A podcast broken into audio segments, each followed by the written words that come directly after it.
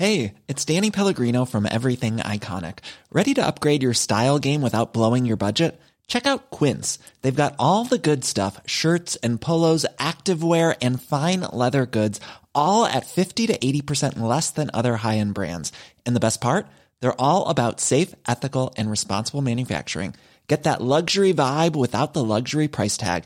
Hit up quince.com slash upgrade for free shipping and 365 day returns on your next order. That's quince.com slash upgrade. Many of us have those stubborn pounds that seem impossible to lose, no matter how good we eat or how hard we work out. My solution is PlushCare. PlushCare is a leading telehealth provider with doctors who are there for you day and night to partner with you in your weight loss journey. They can prescribe FDA-approved weight loss medications like Wagovi and Zepbound for those who qualify. Plus, they accept most insurance plans. To get started, visit plushcare.com slash weight loss. That's plushcare.com slash weight loss.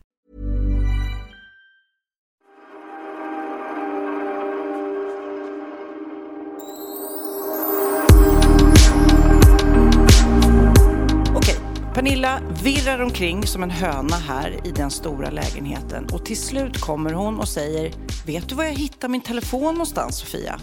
Nej, det vet jag inte. Och då svarade du Jag letar efter den överallt eh, och den är på ljudlös också så gick inte att ringa till. Nej, då låg det och tänkte vad har jag gjort idag? Ja, jag har ju klätt på mig. Då får jag liksom gå igenom alla ställen jag varit och jag drar ut troslådan och där i troslådan, den stängda, där ligger telefonen bland mina trosor.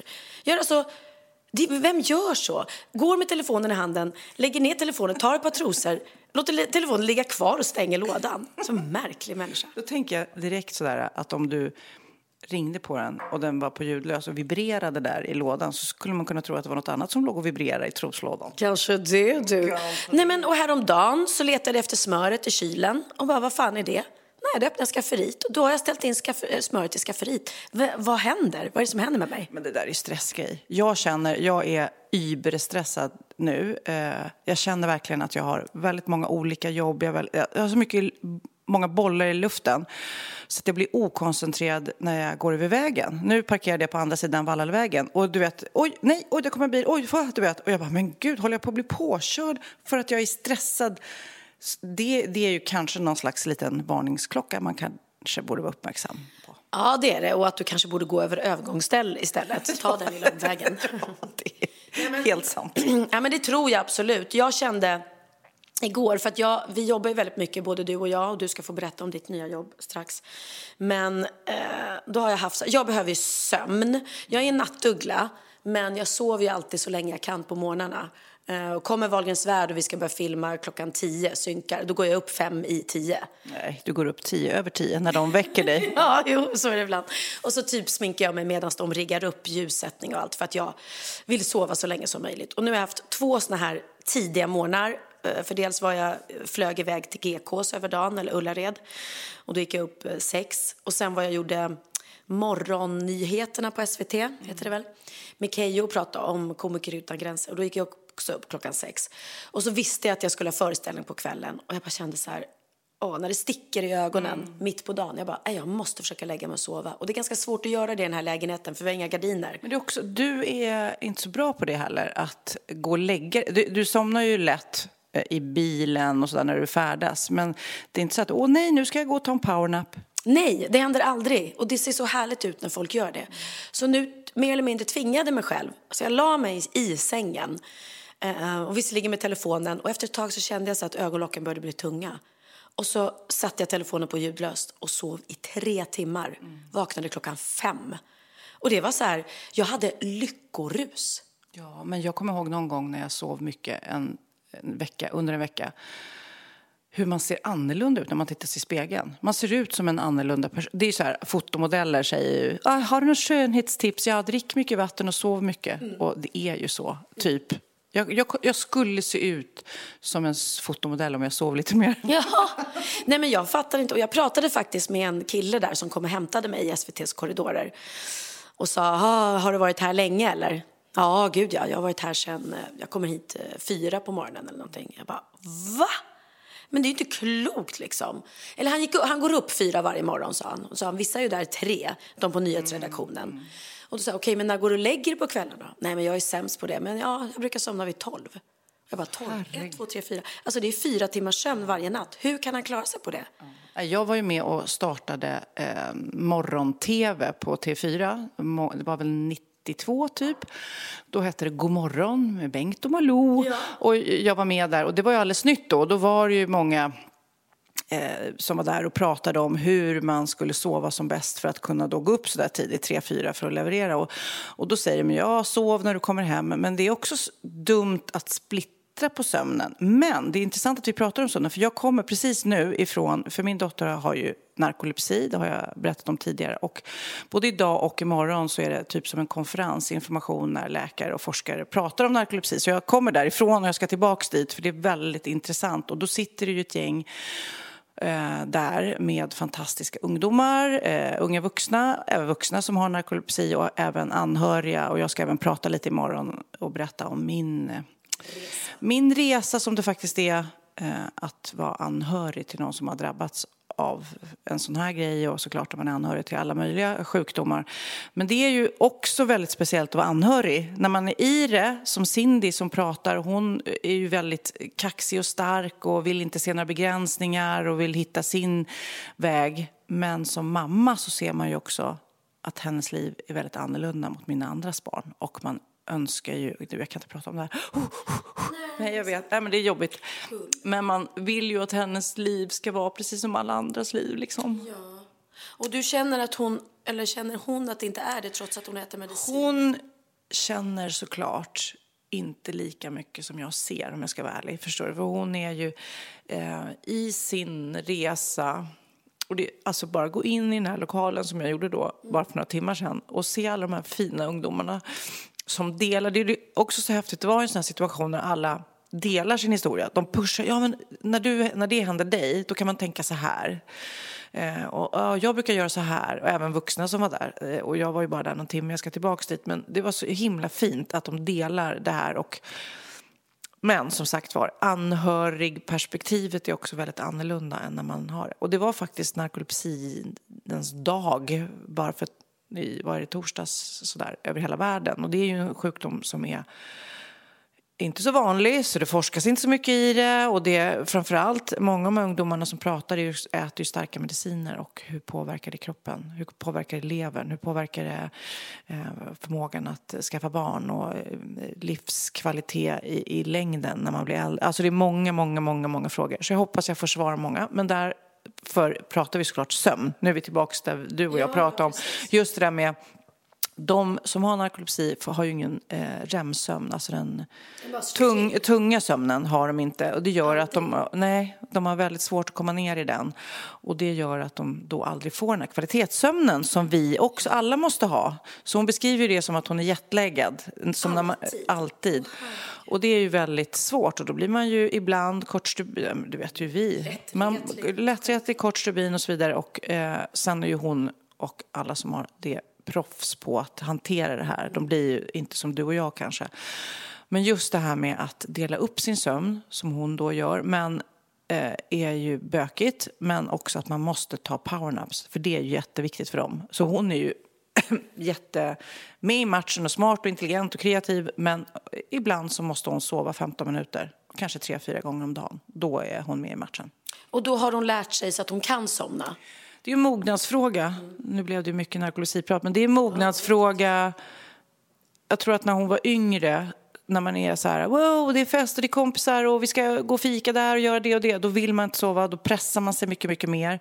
Ju äldre och mognare man blir så är det så här, okej, hej, jag heter det och det och jag är på mitt nya jobb. Eh, varannan timme måste jag gå och vila i 15 minuter, det är inget konstigt. Om man bara säger det, tar bort eh, stigmatisering av det, att det blir inget konstigt och då går det ju att leva normalt. Men man måste lära sig att stopp, nu måste min kropp vila liksom. Och det här, för jag lyssnade då på ditt sommarprat och det ska ni också andra göra om ni inte har gjort det. eh, Där du pratade då om Cindys narkolepsi.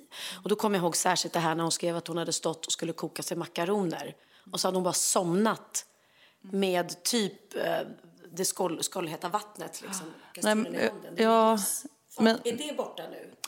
Ja, alltså narkolepsi är ju egentligen tre grejer. Man har ingen djupsömn, men man har också kataplexier, små förlamningar, eh, när kroppen liksom faller ihop. Det är inte att man somnar, utan att det är som... Eh, man, eh, kroppen svimmar fast huvudet är vaken. Liksom.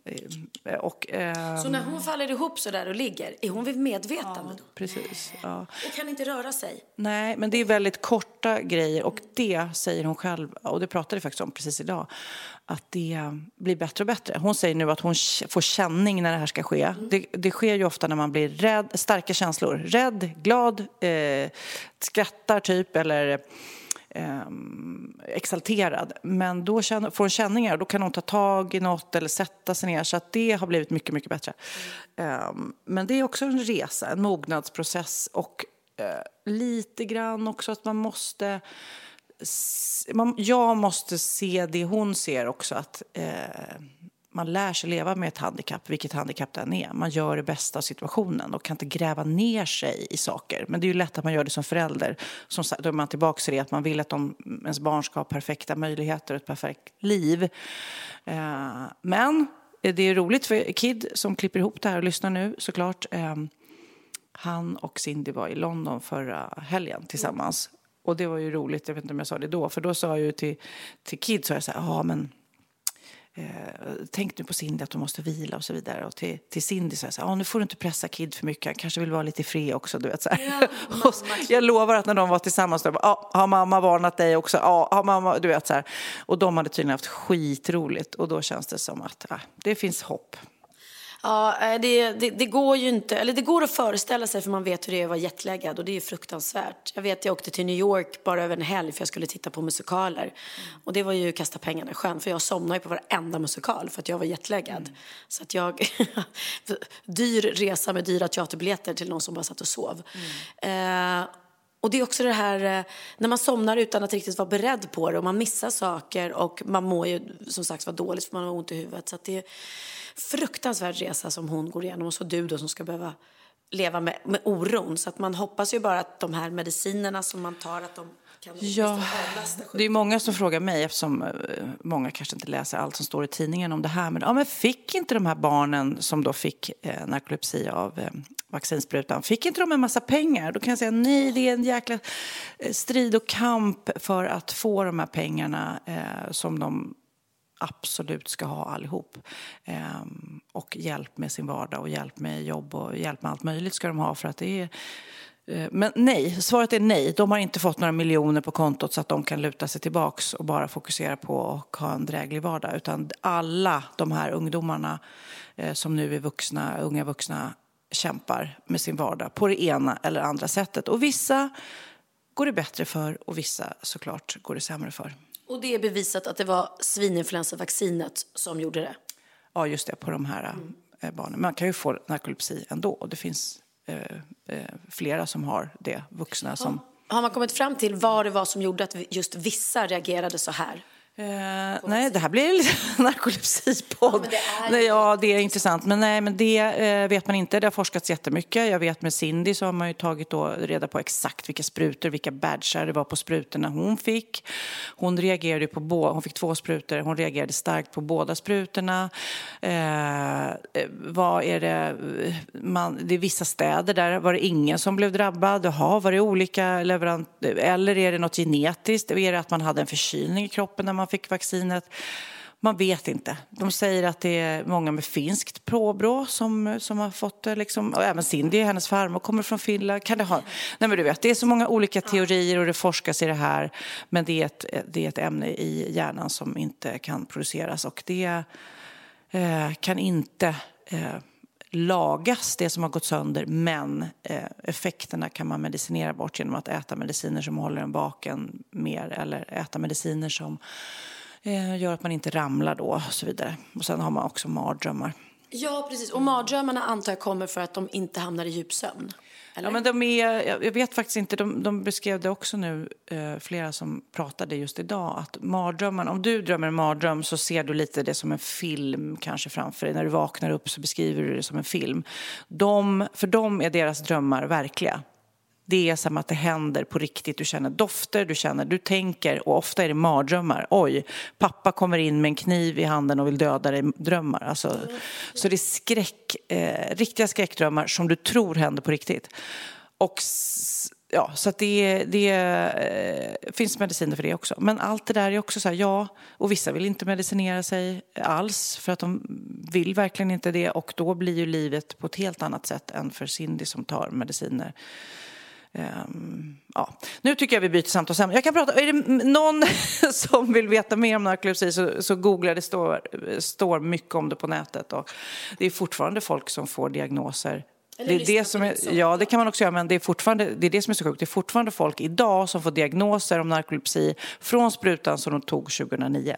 Så det, det har tagit så lång tid så att det är galet. Skitsamma, vi släpper det och går vidare och hoppas ni inte har tröttnat på den här podden för nu ska vi prata om... Jag tycker det är jättefint att du delar med dig, det är livet och det vi alla tycker att Cindy är en fantastisk människa som, som lever med det här och, och du är en fantastisk mamma som stöttar henne i hennes jobbiga resa. Okej, nu byter jag. Eh, hur var Ullared, GKs? Ullarud, eh, GKs? Eh, det var jättehärligt. Jag åkte ner själv den här gången.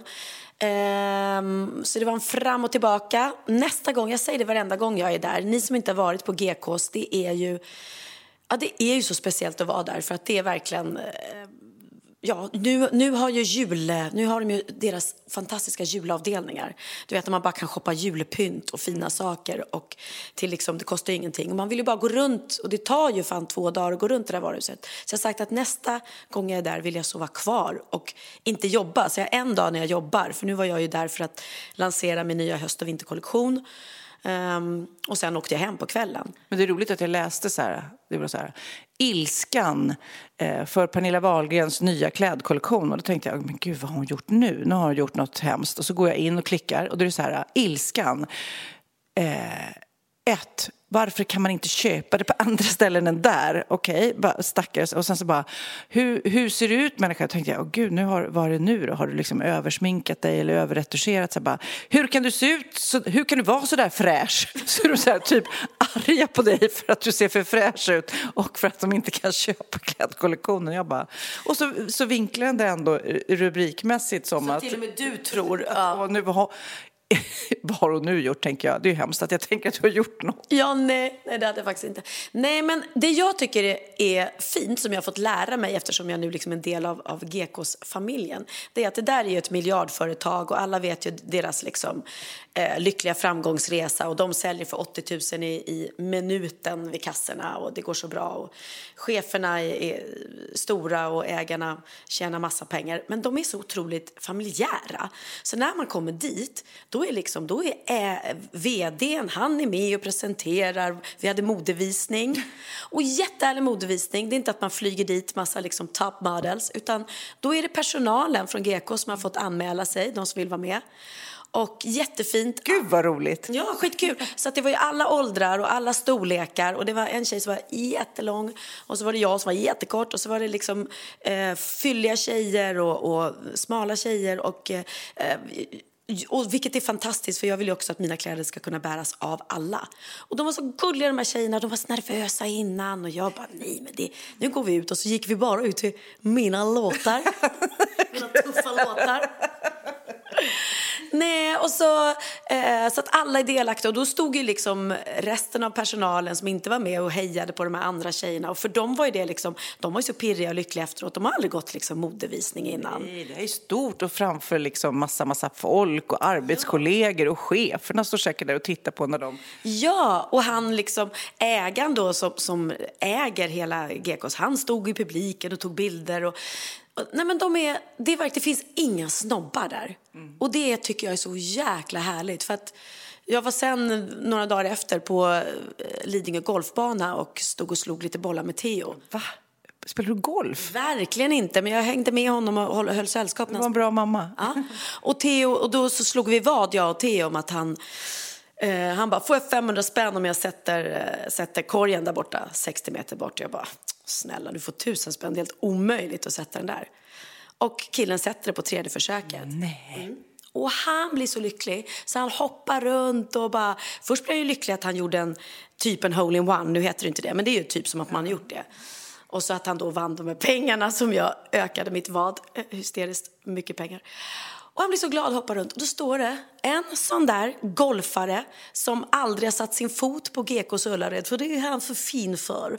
Och han tjänar så mycket pengar och han är säkert vd i ett bolag. Och han står där och spelar golf. Och när Theo då skuttade runt så säger han till Theo, steady boy, steady boy. Och jag bara, excuse me?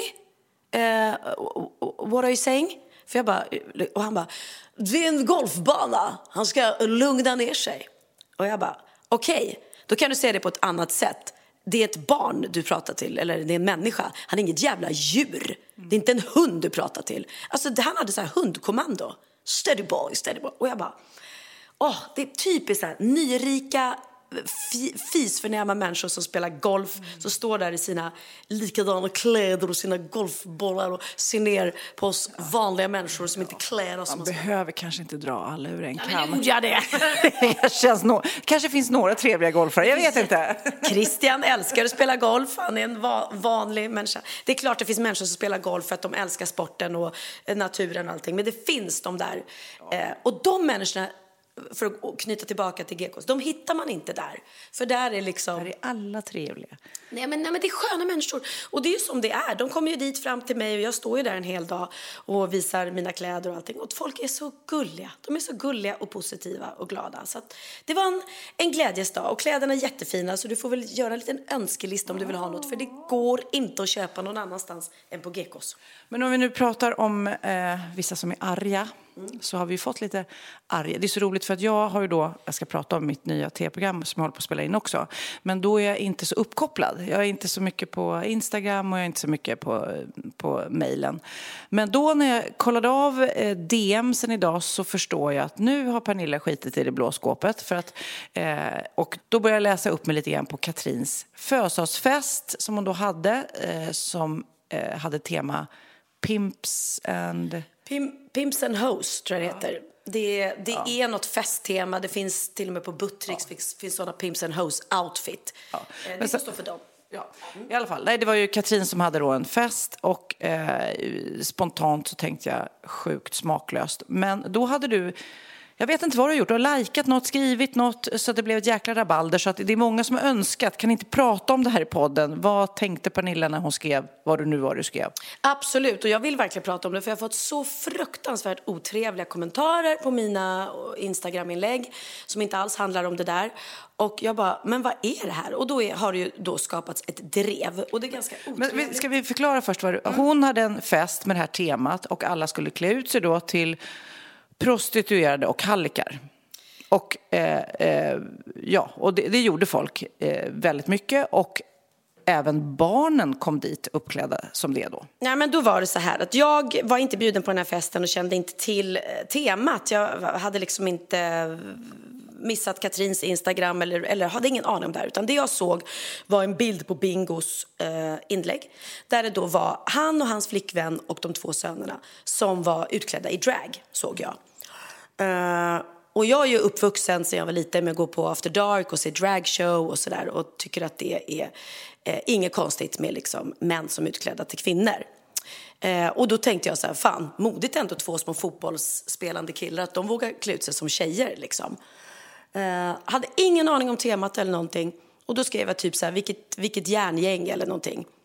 Eh, ja, det var typ det. Sen bara ramlar det in massa hat och jag bara ursäkt. Och det är så otrevliga kommentarer och folk, ni som skriver då, för det är säkert flera som lyssnar på podden. Det är otroligt när man er har, har liksom när man bara fl äh, fläker ut sig massa hat utan att ha någon koll. Så plötsligt är jag för barnprostitution, jag är för trafficking. Eh, du vet, Nej, ja, Gud, ja. Jag bara, nej men chilla Gunilla. Eh, vilket jag såklart inte är. Jag var inte bjuden på festen, jag hade ingen koll på temat och jag likade en bild utan att veta. Sen har jag fått höra i efterhand då att på Julias eh, Bingo Rimérs flickväns Instagram har hon tydligen suttit och, och skojat om vad de var utklädda till. Och det är inte okej såklart, men jag följer inte henne så det var ingenting som jag visste. Men, eh, och då tog jag faktiskt bort de här kommentarerna för jag tyckte bara att det är otrevligt. Jag vill inte bli anklagad för att eh, vara liksom eh, tycka att det är okej okay med barnprostitution på något sätt. Såklart. Eh, och då blir folk så här, gud vad du är feg och du bara tar bort kommentarerna och stå upp för vad du har gjort, vad du har gjort. Och, så, att, så att nu förklarar jag här att det var allt jag gjorde. Jag likade en bild på, på en familj där alla var utklädda till tjejer och det tyckte jag var roligt. Sen hade jag ingen aning om temat och kan tycka att det är inte okej. Barnen också vill jag säga då till Katrins försvar, vad jag förstod. Hon visste inte ens om att de skulle komma utan det var en överraskning på hennes fest och att de uppträdde med Sean Banan och sjöng någonting eh, för födelsedagsbarnet. Och man får tycka vad man vill, att det är fel med deras tema och allting. Det, det, men det här är ju något som de uppenbarligen har tyckt är okej. Eh, och som sagt var, det, de, det här är ju ett tema som finns. Du och jag kanske inte skulle ha de här festerna, men jag vill inte heller vara typen som, som tycker att de är hemska personer för att de anordnar en sån här fest inom stängda dörrar. Sen måste man alltid tänka på vad man lägger ut på sociala medier och sådär, såklart. Men jag menar, det finns ju pretty woman outfits som man kan köpa liksom. Och det är inte PK för fem öre, absolut inte. Men jag, punkt det enda jag vill säga är att självklart är jag inte för barnprostitution. Och det är ju inte Bingo Katrin heller, så mycket kan vi säga. Sen blev det väldigt fel allting. Jag eh, tycker inte om eh, temat, det gör jag eh, verkligen inte. Det var roligt, jag eh, träffade Daniel Paris eh, samma dag som skulle på den här festen. Mm. Och då sa han, ja men det är det här konstiga temat. Jag tänkte säga att jag miss... Han verkligen, redan innan det här drevet, han tyckte att det inte kändes eh, okej. Okay. Så att han sa, jag tänker att jag läser fel, att det är eh, Pimpsen horses, så han var en häst på, ja. på hela den här maskeraden. Det här är inget tema som jag gillat, men folk får, får ju faktiskt bestämma över sig själva. Och om man googlar Pimps and Hoes så finns det såna outfits både på så här Partyland och Buttricks och partybutiker. Så att det är inget som är förbjudet. Men man ska självklart vara väldigt noga med vad man lägger ut på sociala medier, hur man förmedlar det och man, i det här fallet var det olyckligt att, blanda in barn på sociala medier för det klingade illa. Mm. Och det har ju de faktiskt också bett om ursäkt för, både Bingo och Katrin, så det måste vi vara tydliga med. Att de har sagt själva att det blev helt fel. Ja, men nu har vi förklarat i alla fall hur eh, Pernilla tänkte att hon inte faktiskt hängde med på hela, hon hade inte hela scenariot. Nej, det gjorde inte. Så jag har skrivit till några faktiskt, så har jag skrivit, eh, och då har de varit så här, typ tillbaka, ja, bra att du förklarar dig, förlåt att jag agerade så aggressivt. Man bara, eh, jo tack. När liksom man typ får så otroligt otrevliga meddelanden. Men nu har jag i alla fall förklarat mig. Mm. Nu ska du få en liten trudelutt. Be like a pineapple. Stand tall, wear crown, And always, I mean always, be sweet on the inside. Mm. Be sweet on the inside. Ja, den är så bra den där. Det är därför jag har ananas tatuerad på min kropp. För att jag älskar ananas, både utseendet och vad den står för. Ja. Nu ska jag berätta om mitt tv-program. Herregud. Ja. Nej, men det här är... Vilket av dem, Sofia? Ja, vilka, vilket av dem? Nej, Mullvaden, eh, det går ju på tv nu. Det är väldigt spännande. Du hade sett de två första avsnitten? Mm, jag har sett det första bara. Mm. Jag, jag, sa just det, när du klättrade ner för 75 meter. Jag hade aldrig gjort det. Nej. Aldrig, aldrig, aldrig. Och nu ska jag titta på avsnitt två där ni blir nergrävda i marken. Blev du det? Mm. Det får du se. Det får jag se, okej. Okay. Eh, men berätta, vem är det som är mullvad? Det kan jag tyvärr inte prata berätta. Men det är väldigt kul. Det mejlas eller DMas till mig hela tiden. Jag tror att det är den, jag tror att det är den, jag tror att det är du, jag tror att det är den. Du vet, så här. Oh, som Messinger när alla skrev till mig. Ja. Jag vet vem det är som är där, jag vet vem som är Ja, det är väldigt roligt. Det programmet, Mullvaden, är ju då inspelat och klart. Det nya programmet jag håller på att spela in nu, som jag kanske när jag tackade ja inte riktigt förstod vad det skulle innebära. För att det är riktigt tufft det här. Det heter Stugdrömmar. Det är liksom en liten flört med programmet Husdrömmar som visar fantastiska hus. Stugdrömmar, eh, då är det jag, Jonny, Mattias och en kille som heter Gustav som ni har sett i Husdrömmar kanske. Eh, Gustav Ovlander och hans hund Boris. Vi åker runt till sommarhus som ligger på väldigt speciella, udda platser. Alltså långt, långt ute på öar i skärgården. Eh, nästa vecka ska vi upp till Lappland, eh, till ett naturvårds, eh, eller naturvårdsområde. Det, det, det, är sjukt vackert. Och första inspelningen var den här veckan och vi var på en ö som heter Rone eh, Ytterholme eh, som ligger utanför Gotland. Och det tog typ en timme med en båt att åka dit väldigt långsamt för det var långgrunt. Eh, när vi väl kom dit, det är liksom som en ö på ja, som är 500 gånger 1800 meter eh, i storlek bara. Och det går en massa lamm där och sen så är det ett litet hus som egentligen är som ett, där man går in och värmer sig eller tar en kopp kaffe när man är där med fåren, liksom. eller lammen som det heter på gotländska. Mm. Men eh, väldigt spartanskt. Men vädret, blåsten, vinden, kylan som det faktiskt är fast det bara är september, tär. Alltså det är som att, att stå ute sådär och jobba hela dagarna. Det tär och nu är det säkert många som jobbar utomhus och har ett, ett, ett, eh, så här, um, kroppsarbete som, som skrattar åt det här att jag tyckte det var jobbigt. Nej, det var riktigt jobbigt. Så när jag åkte hem en sväng för att göra något annat radiojobb um, och um, konferenserjobb så satt jag i bilen och grät för jag tyckte så synd om mig själv. Jag bara, herregud. Men hur bor ni då? Nej, vi bor... Ja, det, nej, men gud. Jo, nej. Du bor inte i tält? Jag bor inte i tält den här veckan, men nästa vecka uppe i Lappland så ska vi tydligen göra det. Mm. Nej, men jag kan förstå, man, det, det, är inte härligt att frysa. Du måste klä på dig, till nästa resa, ta på dig varma kläder. Ja. Så att du inte fryser. Ja, det är lyxproblem. Det kommer bli så vackert det här programmet. Det är så vackert, du vet med drönare och flyga och det har varit, det har varit sälar och det har varit regnbågar och det kommer bli det är, så, det är så fin inredning och vi gör så fina grejer i huset så att det är värt det. Men det är inte lätt. Det är rätt tufft. Eh. Du måste bli lite mer som Christian. Han hade ju bara stått där och bara embraceat ja, allt och tyckt åh vad vacker natur, vilka vackra berg, vilket vackert hav. Sen hade han frysit lite, men det hade inte han brytt sig om. Nej, men det kanske också är en chock. Det har varit pandemi och jag har gjort lite, du vet, stått i, studio med Naked Attraction. Alltså jag har gjort så bekväma grejer. Nu är det ut tillbaks men det här är också ett outdoor-program. Man är utomhus hela tiden. Liksom. Och nästa vecka upp i Lappland, håll i hatten Pernilla, så kommer jag inte ha någon mobiltäckning. Oj! Vad betyder det? Blir det... Vad betyder det? Nej, jag kommer hem på fredag. Så, okay. det, så det kan vara... Nej, men det blir ju också en liten eh, detox på det. Liksom. Ja, och apropå detox så måste jag då ta upp min kompis Susanne. Ja. Ah, som då har fått sitt Instagram hackat. Och det här är en mardröm för alla som har Instagram såklart. För man, det är ju lite som ens, ens dagbok liksom. Man har ju massa bilder och det är inlägg som man minns. Och för oss då som, som också jobbar med Instagram så är det ju en arbetsplattform. Eh, antingen så gör man då betalda samarbeten eller man, man eh, visar saker. Och i Susannes fall så har hon både betalda samarbeten och hon visar inredningsjobb som hon har gjort före och efter. Och en stor minnesbank med bilder. Så hon var ju otroligt. Och man vill också kunna gå in på Instagram och titta. Ja, det gör ju vi varenda dag, går man in och kollar på alla andra. Och hon fick då sitt Instagram kapat, så plötsligt började jag och massa andra få inlägg om, om att man skulle investera i bitcoins, som Susanne då tyckte att man skulle göra. Eh, och, och jag på en gång skrev till henne, va? Vad är det här liksom? Och då är det ju inte hon längre, så då ringde hon till mig. Och det här har tagit enorm tid. Det är ett eh, vad heter det, en, en snåra i djungeln. Eh, eh, det är Ett. Det är snårigt. Men snårigt. Så här svarade då Susanna jag frågade hur blev du hackad? Jag satt och kollade stories och så loggades jag ut. Försökte logga in igen, det gick inte. Sen började han då skriva på WhatsApp och ringa på WhatsApp.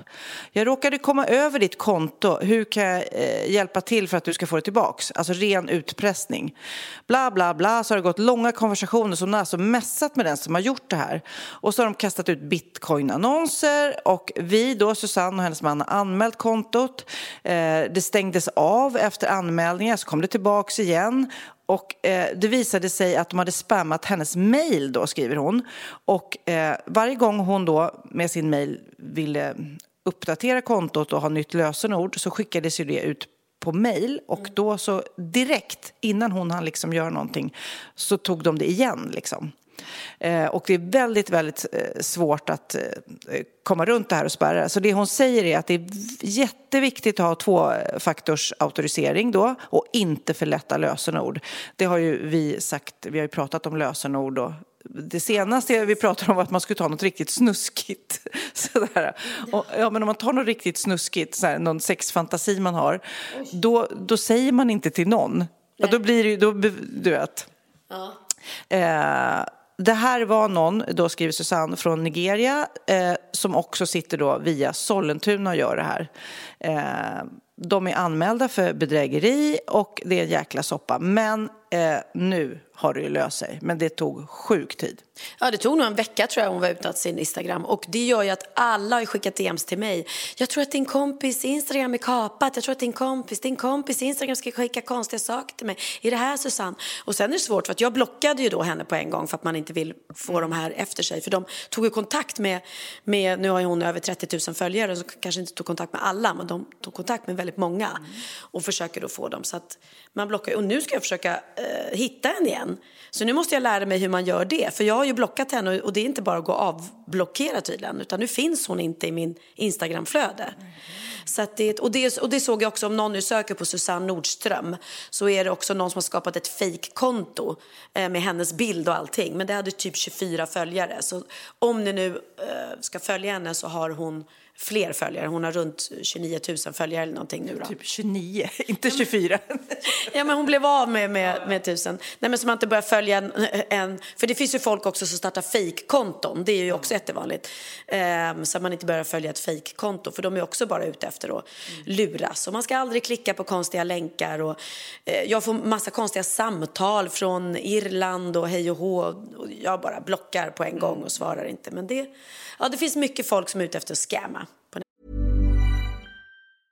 Hey, I'm Ryan Reynolds. Recently, I asked Mint Mobile's legal team if big wireless companies are allowed to raise prices due to inflation. They said yes. And then when I asked if raising prices technically violates those onerous two-year contracts, they said, "What the f*** are you talking about? You insane Hollywood ass."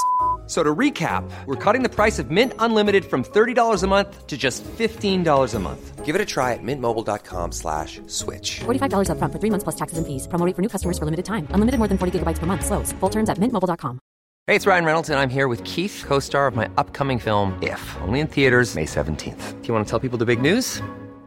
All right, I'll do it. Sign up now and you'll get unlimited for $15 a month in six months of Paramount Plus Essential Plan on us. Mintmobile.com slash switch. Upfront payment of $45 equivalent to $15 per month. Unlimited over 40 gigabytes per month. Face lower speeds. Videos at 480p. Active Mint customers by 531.24 get six months of Paramount Plus Essential Plan. Auto renews after six months. Offer ends May 31st, 2024. Separate Paramount Plus registration required. Terms and conditions apply if rated PG. Ja, Pernilla, nu ska vi byta ämne helt. Nu ska vi göra reklam för lite ekivoka saker med Sinful. Vi är den här veckan sponsrade av Sinful, alltså norra Europas sexigaste och kanske allra största e-handelsbutik inom då sexleksaker och underkläder. Och lyssna på det här, Pernilla. Mm. Maj månad innebär den internationella onanimånaden. Är maj månad en onanimånad? Varför har just maj blivit en onanimånad? Är det för att liksom det börjar bli lite varmt och sol och man liksom känner sig lite sexigare ja, eller, eller mer sexintresserad? Alla i Skåne säger jag älskar att ta på mig. Nej, men Förstod du den? Nej. Ta på mig. Ta på mig. Ja. Nej, förstod Det är du, därför det är maj ja, månad. Du är så rolig du. Mm. 28 procent av svenska kvinnor onanerar varje vecka och 50 procent onanerar minst en gång i månaden. Tycker jag ändå det var mycket. Ja, men det är väl, man tänker ju på mer, eh, är man i par, då tror jag det här är bara vad jag tror, att, att kanske killar in... onanerar mer än vad tjejer gör när man mm. är i en relation. Och tjejer typ ser sexgrejen som något man gör i par. Eller vad tror du? Har jag ja, meningar kanske? Jag tror att när man...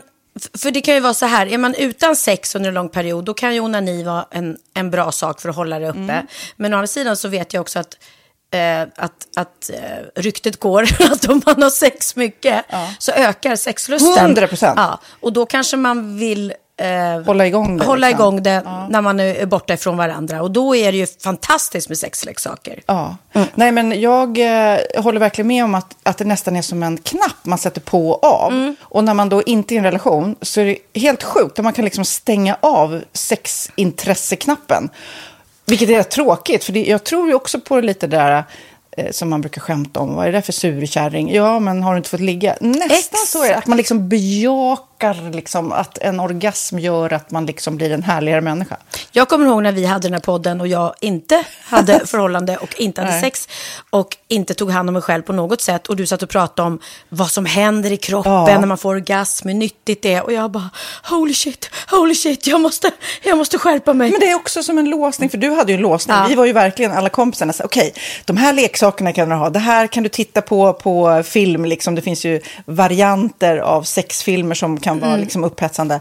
Men du bara nej, nej, nej, nej. nej. Det, är jag var att du, helt det var som att du var låst. Men vet du vad, under den här tiden som jag låste mig så hann sexindustrin eh, utveckla en massa mycket, mycket bättre Ja. eh, womanizer Ja. faktiskt. Som verkligen, alltså det är helt otroligt. För vi, vi är så många eh, kvinnor som inte går igång på en jättestor dildo. Det är Nej. inte det som är grejen. Och då är de här liksom små, söta, fantastiska sakerna som inte ser eh, liksom Mycket ut för världen. De Mycket- ser inte så... De, eh, de vibrerar bara väldigt trevligt. Ja, och de är otroliga. De gör verkligen sitt jobb. Mm. Och jag älskar att man kan beställa dem på nätet. Så att är man liksom lite blyg eller tycker att det är lite obekvämt men ändå vill testa så behöver man inte gå in i en affär och göra det. Nej, men tror du också att det är mer laddat att prata om onani än om sex? För jag känner nu, det har vi pratat om tidigare, att sex, speciellt unga människor, de är ju så ohämmade. De bara slänger sig med, åh, det här gillar jag och du vet, experimenterar och så vidare.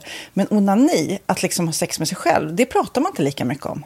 Nej, men det Eller i alla fall inte vad jag hör. Nej, men det är ju en väldigt privat sak. Det är ju en privat sak som sker eh, inte ens mellan två mä- människor utan bara mellan en. Så jag kan ju förstå att det är svårare att prata om. Och just därför så är det väl kanske något som man vill hålla för sig själv. Man behöver inte prata om det. Men man kanske... 100 procent. Man behöver Nej. inte prata om det. Nej. Samtidigt som att det är rätt befriande att sätta ord. Det har vi pratat om tidigare. Att liksom, har man vissa önskemål och preferenser så det är ju inte alla partners som är tankeläsare. Liksom. Nej, så det, det kan vara en, en krydda i, i sexlivet. vet jag att många har, tar det som hjälpmedel. Många har det som den enda eh, varianten för att få orgasm.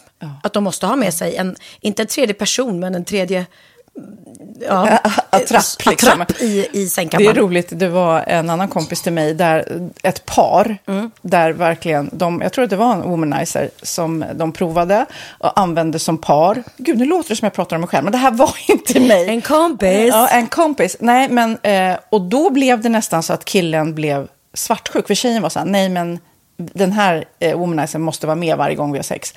Eh, men till slut blev killen så här, "Ha, men duger inte jag?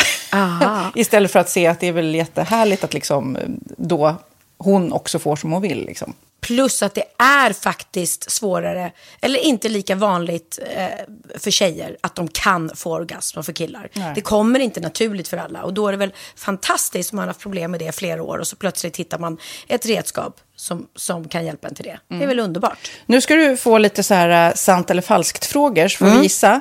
Det är fler personer som är i ett förhållande som äger en sexleksak än de som är singlar. Ja, jag tror det faktiskt. Rätt. 39 procent av de som är i förhållande äger också en sexleksak. Medan 33 procent av de som är singlar, ja det var rätt likt. Liksom. Ja, det var det faktiskt. Nej, men Magnus hade ju jätterolig grej att han gav det till mig i julklapp varje år, en ny grej. Jättegulligt också att han så här, googlar så här bäst i test. Hur länge har ni varit tillsammans? 20 år. Du har 20 stycken. Det är Jajamän, trångt där i, jajamän. i sänglådan. Ja, precis.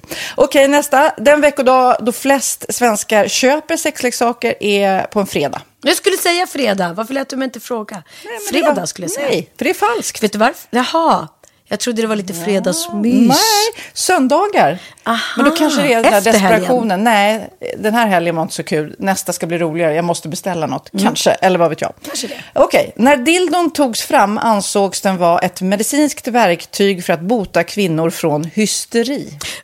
Va? Hysteri. Sant eller falskt? Att de blev hysteriska om de inte fick ha sex. Ja. Det är säkert sant. Ja, Ah. det är sant. Men man har ju kommit rätt långt innan dess. Men diagnosen hysteri har tagits bort och idag är det helt normalt. Ja, det var inte det jag led av när, när jag levde i celibat. Ja. Eh, och så eh, när på dygnet köper man eh, flest sexleksaker? Är det mellan eh, 10 och 11 på kvällen? Det tror jag. Ja, det är det. Och kvinnor är mer nöjda med sitt sexliv än män. Vad tror du? Kvinnor eller män? Vilka? Nej, jag tror faktiskt män. Ja, sant. De har inte så stora krav heller. Nej. Nej, men lite. Ibland tänker jag ju att killar är enklare i Mm. sin sexualitet.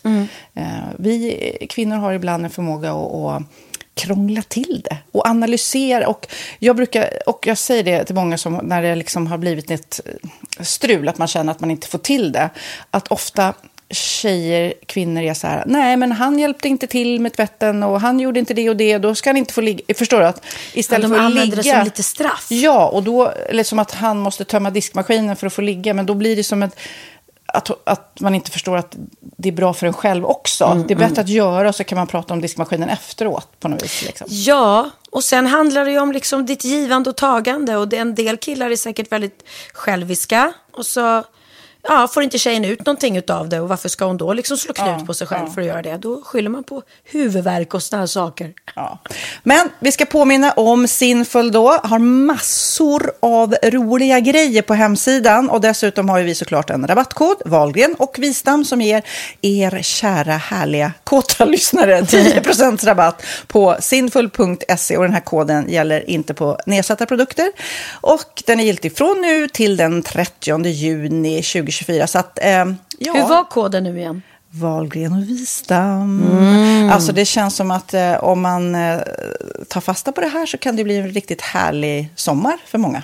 Verkligen in och botanisera bland allt eh, kul nytt som finns kan jag säga. Vi är sponsrade av Postkodlotteriet den här veckan och ja, de flesta känner nog till Postkodlotteriet sen innan. Och nu finns chansen att vinna tillsammans med dina grannar och vinster för 48 miljoner ska delas ut i sommaryran. Det vill man inte missa Sofie. Nej, Gud, det är helt otroligt. Och just nu får man ju också dina produkter från ditt eget märke, Pernilla, L'Aquila, på köpet när man köper sin då postkodlott för 180 kronor i månaden. Och det är ju ett värde då eh, på 556 kronor som levereras då eh, månaden efter första lotten. Och det om man köper sin lott senast 31 maj 2024 och max tre lotter. Ja men alltså det är perfekt. Dels är det soliga vädret, man kan bli miljonär och man får eh, kroppsvårdsprodukter till stranden och solsemestern för alltså det här otroliga priset. Och, och snart är vi där och det är viktigt att vi skyddar vår hy. Och om det regnar eller är dåligt sommarväder så kan man ju trösta sig med ett härligt ja, hemmaspa typ. Eh, vad är det som kommer mer då Pernilla? Nej men alltså, man får då alltså C Me Glow, det är vitamin C, face mist, vilket är väldigt bra nu på sommaren.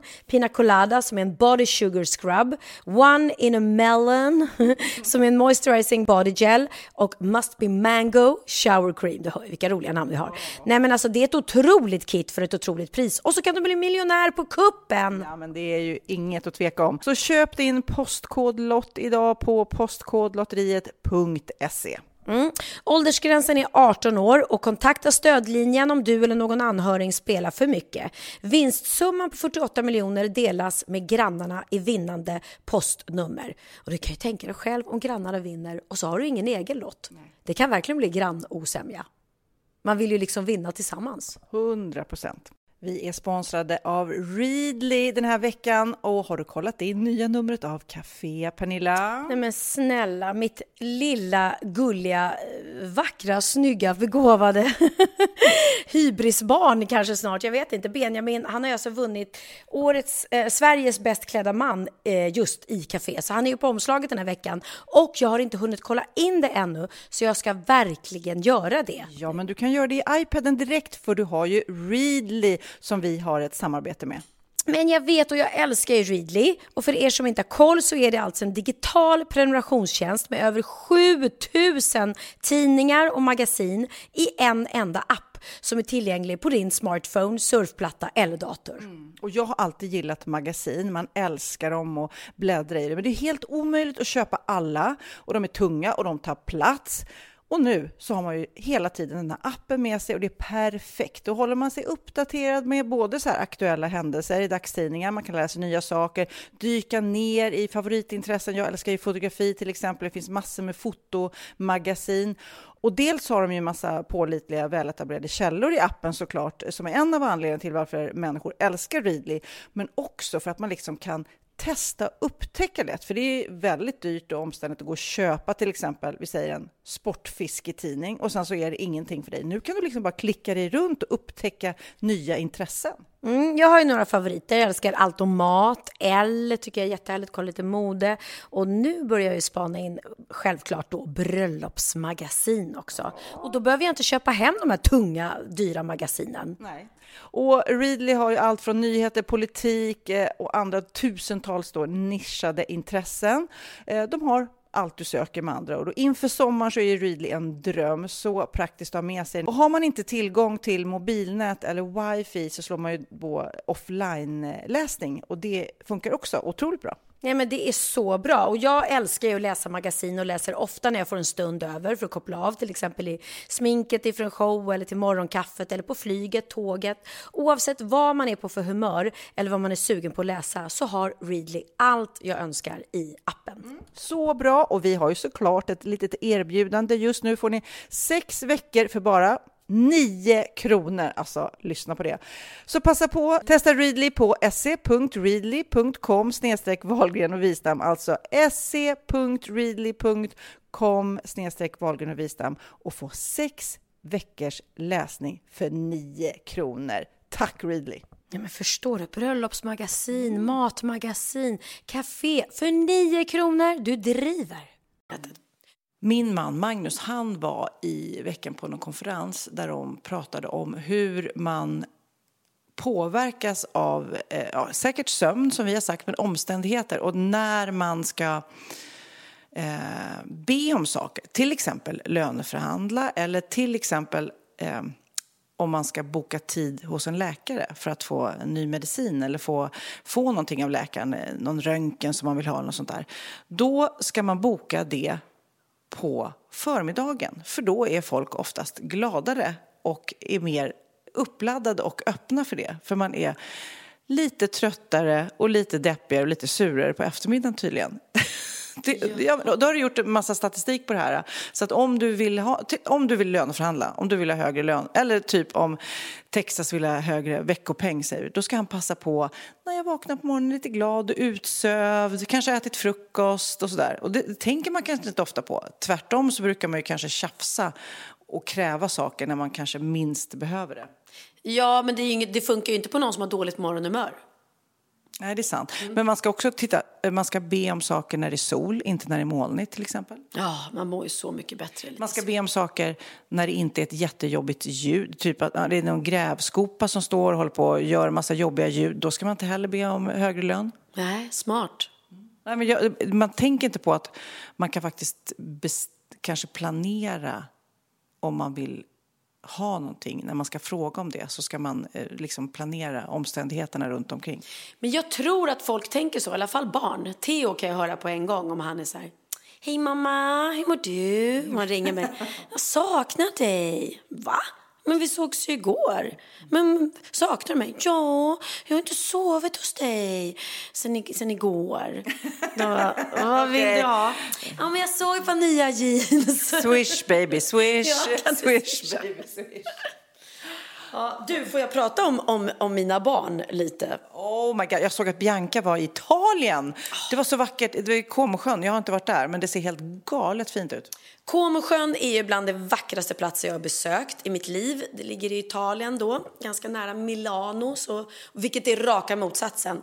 Det här är så sjukt, för att jag var på sm min smekmånad eh, då åkte vi till Portofino, som också är bland den vackraste platsen på jorden i Italien. Och så var vi där, det var så vackert. Och sen så bilade vi till Milano. Eh, för att ja, vi skulle shoppa och äta på restauranger. Och jag blev typ på dåligt humör så fort vi kom till Milano. För kontrasten mellan vackra Portofino, som är en hamnby med massa så små gulliga hus i olika färger, påminner lite om där jag bor i Spanien. Och så kontrasten till Milano som är en industristad, den var liksom, jag bara wow. Så att Milano är inte någon vacker stad, men om du då åker lite, en bit eh, några mil från Milano så kommer du till Comosjön. Detta magiska ställe. Och då sa Bianca att hon skulle åka till Comosjön och göra en kampanj eh, för Gina Tricot. Och jag sa, gud det kommer vara det vackraste ställe du någonsin har varit på Bianca. Hon bara, nej men alltså jag kommer inte hinna se någonting. Jag kommer bara plåta. Vi jobbar från morgon till kväll. Jag kommer inte, jag kommer, jag kommer inte hinna se det mamma. Jag bara, tro mig. När du kommer till Comesjön så kommer du se det vackra. Och vad fick man se på hennes Instagram? Jo, hon har ju åkt ut med en riva, sån här italiensk gammal båt om det nu är italiensk båt, men jag tror det är träbåt, ut på havet eller sjön där då, Comosjön, det är inte ett hav, eh, med de här vackra bergen och så har hon bott i ett fantastiskt eh, slotts och superstylat. För först tänkte jag så åh, hon har träffat en ny kille som hon är där på dejt med. Och sen bara, men gud vad hon piffar. Vad jobbigt att vara så där sminkad och så här lackkläder bara för att man ska gå ut och käka lunch. Men då tänkte man, ja, ja, Bianca kanske är sån. Ja, nej, nej det är en plåtning då. då. Så att eh, hon var otroligt stylad. Och det här slottet de bodde på, eller det är inte ett slott, det är bara en jättestor vacker villa som ligger då vid Comosjön. Eh, det såg ju helt magiskt ut, det var ju så vackert. Och då berättade hon att Chanel ska dit eh, om några veckor och ha, göra en plåtning där också eh, hela Chanel-teamet, inte Chanel, kvinnan själv, hon är död. Eh, nej men äh, det var så vackert så det var ja, fantastiskt att se och jag var så glad faktiskt i och med att Bianca också, precis som du och jag, jobbar väldigt mycket och eh, då vill man att hon ska få njuta av även det vackra och inte bara jobba, jobba och här var hon ju som sagt hon trodde väl att hon skulle vara i en fotostudio typ. Mm. Jag tror inte hon hade förstått heller hur hur vacker den här miljön i Como är. Mm. Så det var kul för henne och mm, ja, man vill ju åka dit igen mm. någon, någon gång. Och sen måste jag då säga att jag är ju så stolt för vi har ju pratat om Benjamin och hans konsert och eh, nu måste jag skryta eller vara stolt över min äldsta son Oliver som då eh, för ett tag sedan startade sin restaurang Olli som jag har pratat om och vi har ju pratat om den. Vi har varit där och ätit och och nu så då Svenska Dagbladet så hade de en artikel här om Stockholms populäraste krogar. Ettan en stor skräll låter det som rubriken. Och så står det så här, vilken restaurang i Stockholm är egentligen svårast att få bord på? I höst kniper en italiensk nykomling första platsen före självaste Björn Franzén. Och då pratar vi att Björn Franzén, eller Franzéns restaurang, den har ju liksom tre stjärnor i Guide Michelin och den är ju, folk åker från hela världen och man får liksom köa i månader för att få plats där? Ja, det är ju mer eller mindre omöjligt att få bord på Franzéns.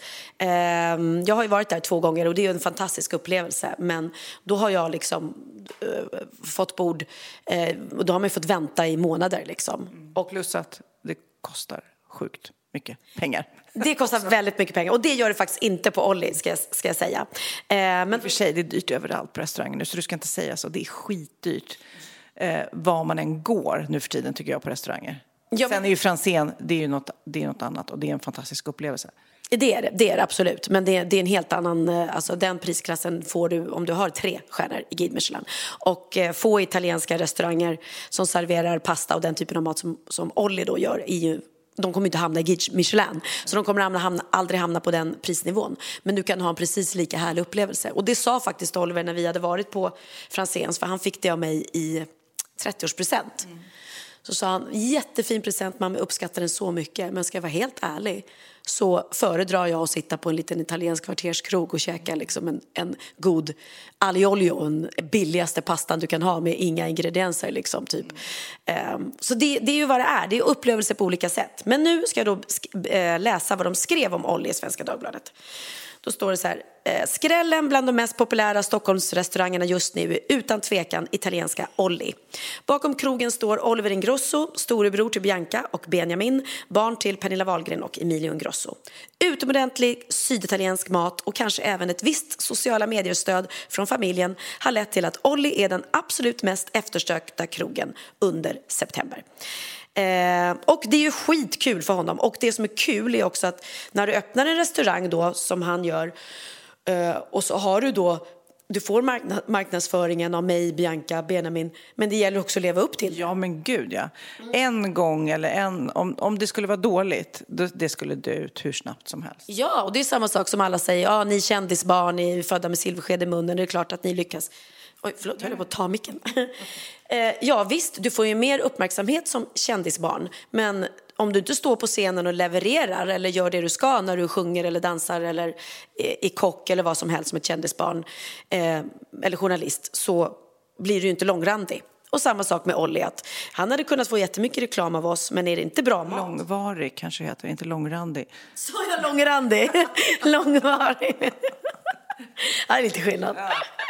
Eh, utan de som är där älskar maten och miljön och tycker att det är häftigt och coolt och kommer tillbaka. Så jag är jätteglad för det. Och eh, ni som då vill boka bord, jag ska bara säga rätt. Var ute i god tid. Var ute i god tid och restaurangen ligger på Jakobsbergsgatan 21 för de har även börjat med luncher. Och de, åh, de ser helt fantastiska ut. Jag älskar Club Sandwich och jag såg någon häromdagen. Och jag kan tänka mig att ibland kan man nog testa att bara gå förbi så kan man nog få ett, ett bord också. För det vet jag har hänt Um, igår till exempel var det helt utsålt på Cirkus på Hybris. Och när jag kommer till kassan och ska se om jag eventuellt kan få en biljett till till Benjamins gäng som skulle kolla. Och då har min manager och producent Lasse sagt att det finns inga biljetter Pernilla, det är helt fullt. Och så kommer jag dit och tänker, men jag, jag testar i biljettkassan. Och då står det ett par där, ett äldre par och bara Åh, där är ju du! Vi har precis, vi bara åkte hit. Vi chansade. Vi kom, och kom från någon annan stad. Och vi bara kände, nej, vi vill så gärna se Hybris. Så vi gick hit och det fanns två biljetter, så de hade köpt dem på volley. Mm. Och då berättade de just, vi har precis varit och ätit på Olli. Det var helt fantastiskt. Kul! Ja. Så de hade ju lyckats göra en, de fick en spontan eh, helg med både att gå på restaurang, vår restaurang eller vår. En Wahlgren Ingrosso-upplevelsehelg. Ja, verkligen. Ja, skitkul. Så att, eh, ja, ibland ska man bara chansa också. Det gläder mig. Du bara helt plötsligt jag läste i Svenska Dagbladet att... Okej, okay, det var inte jag som öppnade. Jag fick artikeln skickad till mig och ja. blev väldigt glad. Men jag kommer nu säga, jag läste i Svenska Dagbladet. Du gör det? Ja, ja, för jag... Prenumererar du? Ja, på digitalt. Jag har en digitalt. Ja. Det är, så, det är så vuxet i min värld att sitta och läsa en sån där. Jag kommer ihåg när jag var liten så tyckte jag att ja, men man kan läsa Expressen och Aftonbladet för det är lagom storlek när man öppnar upp det. Men de som läser Svenska Dagbladet, ja, Dagens jag... Nyhet, det, var... det, såg så stort ut. Det var stora tidningar. Men jag... Stora tidningar och liten text. Men jag kommer ihåg så väl när du och jag gjorde Fest hos Bindefält mm. och vi sov över där. Jag vet inte om vi pratade om det här i podden, men då kom jag upp och då hade du gått upp tidigare än jag och satt med Micke. Och eh, jag hörde bara er diskussion och då sa Micke så här, jag fattar inte, du måste läsa morgontidningen. Eh, och du var så här, nej, jag blir så deprimerad, jag vill inte göra det. Och han, han gick igång på det på alla cylindrar och var så här, du måste och du är förberedd för dina barn, man måste hänga med i sin omvärld. Och du var så här, hör vad du säger, men jag, det viktiga kommer till mig ändå. Du vet, att er, och jag var, hur ska den här argumentationen gå? Men du stod på dig. Eh, berätta hur du tänker. Ja, men jag är ju sån. Jag står för att jag inte är allmänbildad. För att jag har intresse för så mycket annat. Och jag kan bli allmänbildad genom att prata med dig till exempel som berättar saker för mig som du uppenbarligen läser Svenska Dagbladet DN. Och det är klart att jag hänger med och sådär i nyheter och vad som sker. Och, och... Ja, men ibland är du först på saker och för, före mig ändå för du tar ju in saker på annat sätt. Ja, men precis. Jag är inte världsfrånvänd. Så att jag, det är klart att jag är uppdaterad i, om politiken och, och, krig och allting. Men jag är inte totalt insatt. Och eh, jag känner så här, för folk kan ju då eh, som inte tycker om mig och, och gå igång på Wahlgrens värld och bara åh, hon är så jäkla pinsam, hur kan hon sitta där och säga att hon inte vet när andra världskriget började och fy fan vad pinsamt. Ja, det är pinsamt men jag står ju för det också. Nej, men jag tycker att din storhet, det brukar jag faktiskt skryta om dig till andra alltså, när jag får frågor om podden är ju att du, du har inget utbildningskomplex som många har, även jag till viss del, att man är så här, nej jag vill inte verka, utan du bara, du säger så här, nej men det vet jag inte och det spelar ingen roll eh, om du förklarar det för mig. Eh, och då blir det så många, ni kära poddlyssnare som inte heller kanske har koll på vissa saker, som får det förklarat. Och det är så skönt och befriande istället för att låtsas som man kan saker som man inte kan. Ja, nej, precis. Utan jag tycker man ska stå, stå för den man är. Nu kanske du skulle berätta någonting. För ja, det ska jag göra. Ja, för jag, då vill jag komma in på ett, ett till spår som har med det att göra sen. Och en ny grej som jag måste berätta om. Okej, okay. då tar jag min Svenska Dagbladet-artikel först då. Nej, men det här är så roligt, för det här har vi nämligen tangerat förut när vi har tittat på folks Instagram. Eh, när folk lägger ut för kärleksfulla grejer. Att man istället då tänker, hmm, här var det inte så bra i förhållandet. Kommer du ihåg det? Ja, ja, Det här är en tjej som heter Elin af Klintberg som skriver för Svenska Dagbladet. Hon skrev en krönika då eh, och eh, hon skriver så här. När man ser i en relation på Instagram att det är på väg att gå åt helvete. Eh, ofta börjar det med ett familjefoto med hashtaggen Happy Family där mamma och pappa och välkammade barn ler hysteriskt in i kameran. Jag läser till här. Sen en överdriven kärleksförklaring, typ min stora kärlek, hashtag vad vore jag utan dig, hashtag så här, till sin partner eh, som känns lite så här överdriven för det vanliga flödet där liksom. Sen efter det så blir det en lång, lång tystnad. Inget, inte ett livstecken. Sen kommer det lite sexiga selfies i motljus på Instagrammet. Då förstår man, hmm, här är kanske separation eller en rejäl eh, livskris på gång då. Men då skriver hon också om eh, någon eh, Einstein of Love. The Einstein of Love. Eh, John Gottman heter han, som är någon kärleksguru. Eh, han säger då att han, hans fru då, Julie, han, de har träffat en massa par och studerat dem och han säger att han bara på några minuter med 91 procent säkerhet kan säga om den här relationen kommer att hålla eller inte. Man kan även se det på urinprov på parets barn. Jätteknasigt.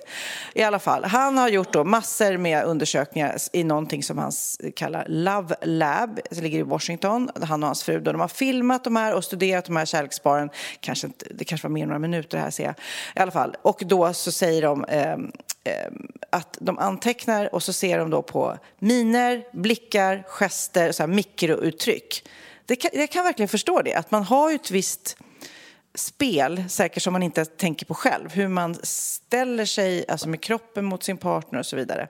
Han säger då att han, på, om man tittar på det så kan man bedöma statusen på en relation eh, och Kissprovet då, undrar du. Hur är det möjligt? Jo, en ohälsosam relation smittar nämligen av sig på barnen, kidsen, så de uppvisar högre nivåer av stresshormon i sitt urin om de har föräldrar som bråkar väldigt mycket. Nej. Nej men alltså det är ju fruktansvärt. Ja. Eh, så att, eh, eh, ja, tänk på det när ni lägger ut kärleksförklaringar på Instagram. Då börjar liksom folk tänka, nu är det något, det blir så motsatt effekt. Precis, precis. Men vad lustigt ändå. Är det sånt här man lär sig i Svenska Dagbladet? Och kanske inte var så, så jobbigt som jag trodde. ja. Det finns många olika eh, bilagor där. Eh, Perfect Guide, om du nu ska in och läsa Svenska Dagbladet eller ni som lyssnar så har de en, eh, en tidning som heter Perfect Guide som jag tycker är jättebra. Där hittar många, mycket mat också och så vidare. Ja, i alla fall. Vad hade du då på hjärtat, Gumsan? Jo, jag har ju också i veckan haft eh, släppt den glada, roliga nyheten att jag ska spela ja. Ja, så kul! I Peter Pan går åt helvete. Eh, och det här kommer ju bli en fruktansvärt rolig föreställning och en drömensemble för mig att få jobba med. Det, det är alltså jag, David Batra, Per Andersson, Ola Forssmed eh, Hampus Nessvold, eh, Clara Henry. Ja, alltså, alltså det, det är sån succé. Ja, och Anders T. Olsson heter han också. Eh, jag hoppas verkligen jag sa alla nu, men det tror jag. Så det är ett sånt drömgäng. Eh, och det här är en föreställning som jag har varit och tittat på i London som heter Peter Pan Goes Wrong. Eh, det handlar om en amatörteatersällskap eh, som ska sätta upp Peter Pan det är bara det att allt går åt helvete. Men det, nej, men det är så roligt. Ja, så det kommer bli lite som Pers och mitt eh, mellanaktsnummer i Melodifestivalen när, vi, när allt gick åt helvete, ja. verkligen. Ehm, och jag spelar då Tingeling och även eh, barnens eh, mamma. Det, det är ju små barn där som Peter Pan kommer och till på nätterna.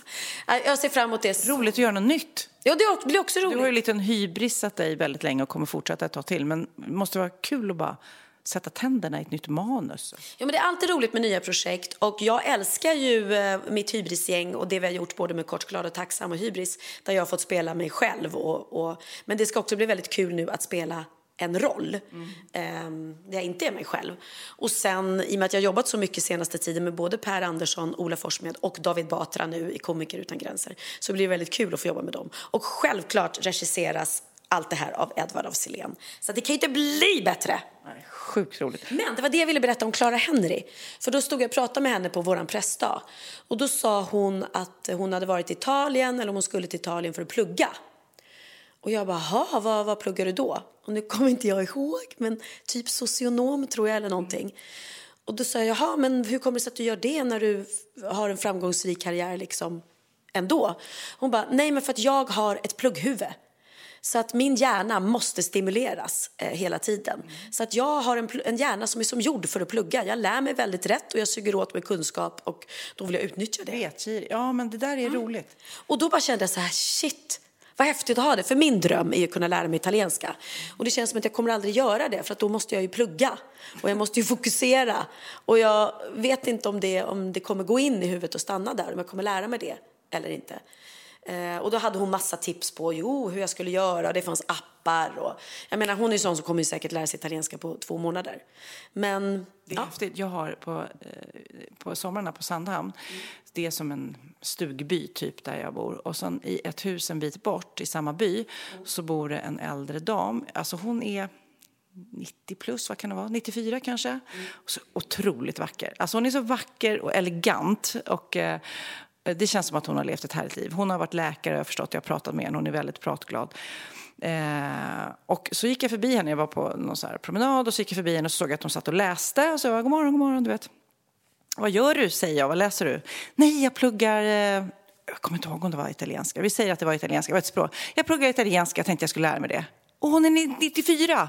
Oh. Men alltså, hur coolt? Och hon har säkerligen också en sån där hjärna som att hon bara mår som bäst när hon stoppar in ny information i den. 94 år gammal och bara vill lära sig Ett nytt språk. Ett nytt språk. Så jäkla häftigt. Jag säger det, folk lever tills de blir hundra nu för tiden. Lätt alltså, minst. Men nu hade vi våran 400 poddavsnitt förra. Alltså vilket, det blev så härligt och så bra. Hoppas, eh, hoppas ni tyckte om det avsnittet. Och vi har fått en massa, massa mejl. Jag ska läsa ett eh, här som kommer ifrån en Sandra. Hej, satt just och skrattade gott åt senaste podden när Pernilla blev nervös och trodde att Christian skulle fria. Igenkänningsskratt då jag nyligen genom Wahlgrens värld förstått vad lika Pernilla och Christian är med mig och min kille som par. Har länge undrat om man verkligen kan vara så positiv och high on lives som min sambo är tills jag följt Bauer nu i Wahlgrens värld och förstått att det kan man absolut. Det finns minst en till i alla fall där ute. Och själv är jag lite mer cool och jäkligt eh, kul bara, som Pernilla, och oroar mig över ett frieri på illa vald plats. Keep up the podding. Trevlig helg, roligt. Ja, herregud. Oh, nej. Och här är ett till mejl. Har försökt att skriva i flera veckor, men det har inte blivit av. Men nu gör jag ett försök när bebis och åttaåring fortfarande sover. Vill bara berätta att mors dag-avsnittet den 29 maj kommer att betyda väldigt mycket för mig. Jag brukar lyssna på er podd på kvällarna innan eller när jag somnar. Den här kvällen kom att bli lite speciell. Jag var höggravid på grund av att min bebis uppskattades till en stor bebis och för att jag hade en komplicerad första förlossning hade jag ett planerat eh, inbokad snitt den 2 juni. Men sonen tyckte att det var för länge dit, så på mors dag låg jag där och lyssnade Eh, på den otroligt fina sången som dina barn har gjort, Sofia. Kort därefter gjorde sonen en karatespark i magen och helt plötsligt förvandlades sängen till en vattensäng. Det var då, som på film, vattnet hade gått och forsade ut. Den natten fick jag spendera på förlossningen eftersom de ville vänta med operation till på morgonen när det var fler personal. Så den natten låg jag där mellan verkarna och försökte sova, såklart med er podd i öronen, slumrade till, vaknade av värk och fortsatte. Eh, på poddavsnittet på nytt. Av någon anledning råkade jag somna om varje gång. Antingen, när eh, Pernilla gjorde en kullerbytta ja, det var väl när du eh, visade att du kunde göra kullerbyttor. Eh, eller när du hoppade fallskärm. Och så höll det på ett antal gånger hela natten med din finfina sång spelades några gånger. Det kan jag lova. Så numera förknippar jag den med min sons födelse. Det är kul Kid, du som hör det här nu, att den låten har liksom det fötts barn till nu också. Tack för att ni var med mig under natten. Eh, sonen föddes sen. Ni var även med kommande tolv dygnen när vi hamnade på neonatalavdelningen. Det är rätt ensamt där, men det kändes som att man fick sällskap av er. Tack! Fint. Det var väl väldigt härligt. Och det är fler faktiskt som har fått barn till oss. Hur kul är det? Ja, men det är fantastiskt. Ja, grattis till alla gulliga små bebisar.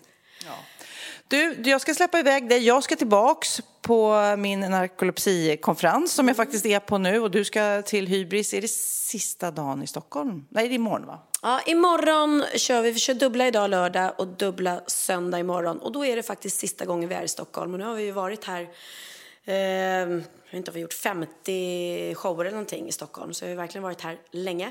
Och nu ger vi oss ut på sista turnén. Det här är verkligen sista turnén med Hybris. För sen, som sagt vad ska jag vara tingeling.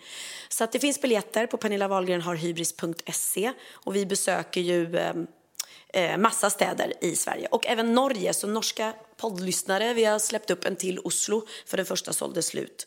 Så att det ska bli väldigt roligt. Jag ser fram emot det jättemycket för jag älskar att åka på turné. Hoppas vi är liksom i samma stad någon gång eftersom jag också är på min lilla turné. Jag tvek på att du hamnar på min udda ö som jag är på men eh, vi kanske är i närheten av varandra i alla fall. Det kan vi vara. Jag ska ju till Visby så du kanske är långt ut bland raukarna och så är jag inne och bor på lyxiga Villa Alma i Visby. Kan du få komma och värma dig i min sköna säng? Puss och kram alla poddlyssnare. Hoppas ni har en fantastisk vecka tills vi hörs nästa gång. Vad ska vi avsluta med för låt? Jag vill höra. För jag önskar helt fritt. ja. En låt som jag tycker är cool och gör mig glad. Det är Barry Manilow, Copacabana. Jag älskar Barry Manilow. Coba, Copacabana. Ja, och har ni inte upptäckt Barry Manilow så är det också han som har gjort Oh Mandy, na na na na na na na na na na Och så har han gjort I can't smile without you na na Alltså han har gjort så mycket bra låtar. Okej. Ja, men du, eh, du får bestämma en annan dag. För nu blir det Copacabana. Puss på er! Hon hette, hon hette Lola na na na na na Her name was Lola. She was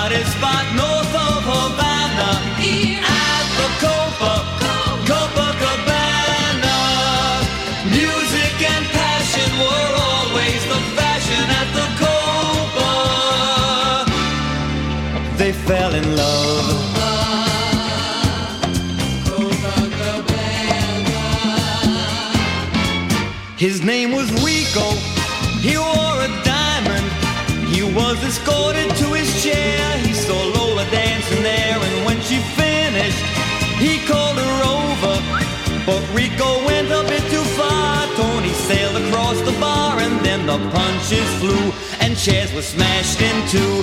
There was blood and a single gunshot, but just who shot who at the Copa, Copacabana?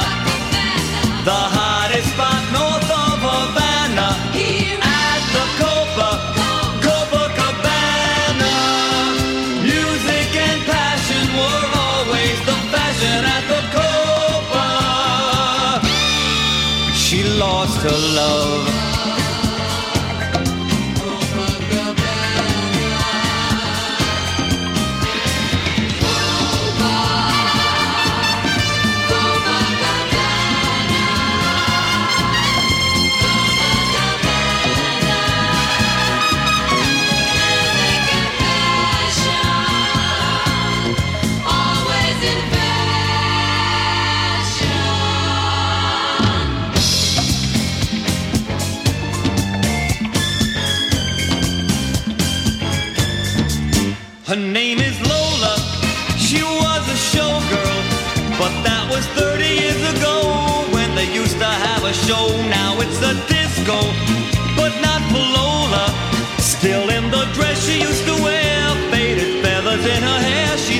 There so refined and drinks herself half blind. She lost her youth and she lost the Tony. Now she's lost her mind at the Copa, Copacabana. The